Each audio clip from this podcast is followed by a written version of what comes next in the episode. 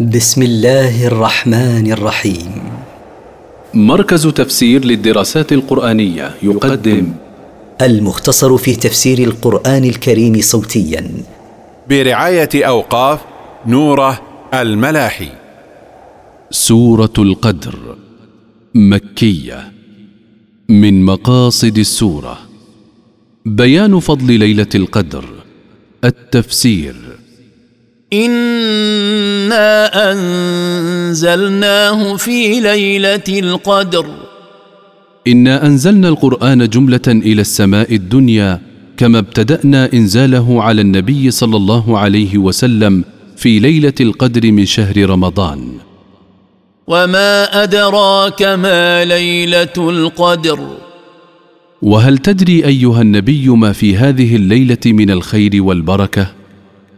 ليلة القدر خير من ألف شهر.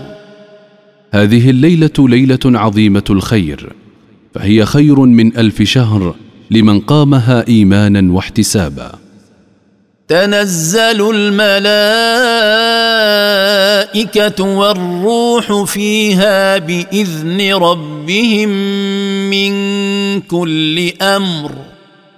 تنزل الملائكة وينزل جبريل عليه السلام فيها بإذن ربهم سبحانه بكل أمر قضاه الله في تلك السنة رزقا كان أو موتا أو ولادة أو غير ذلك مما يقدره الله. سلام هي حتى مطلع الفجر. هذه الليلة المباركة خير كلها. من ابتدائها حتى نهايتها بطلوع الفجر.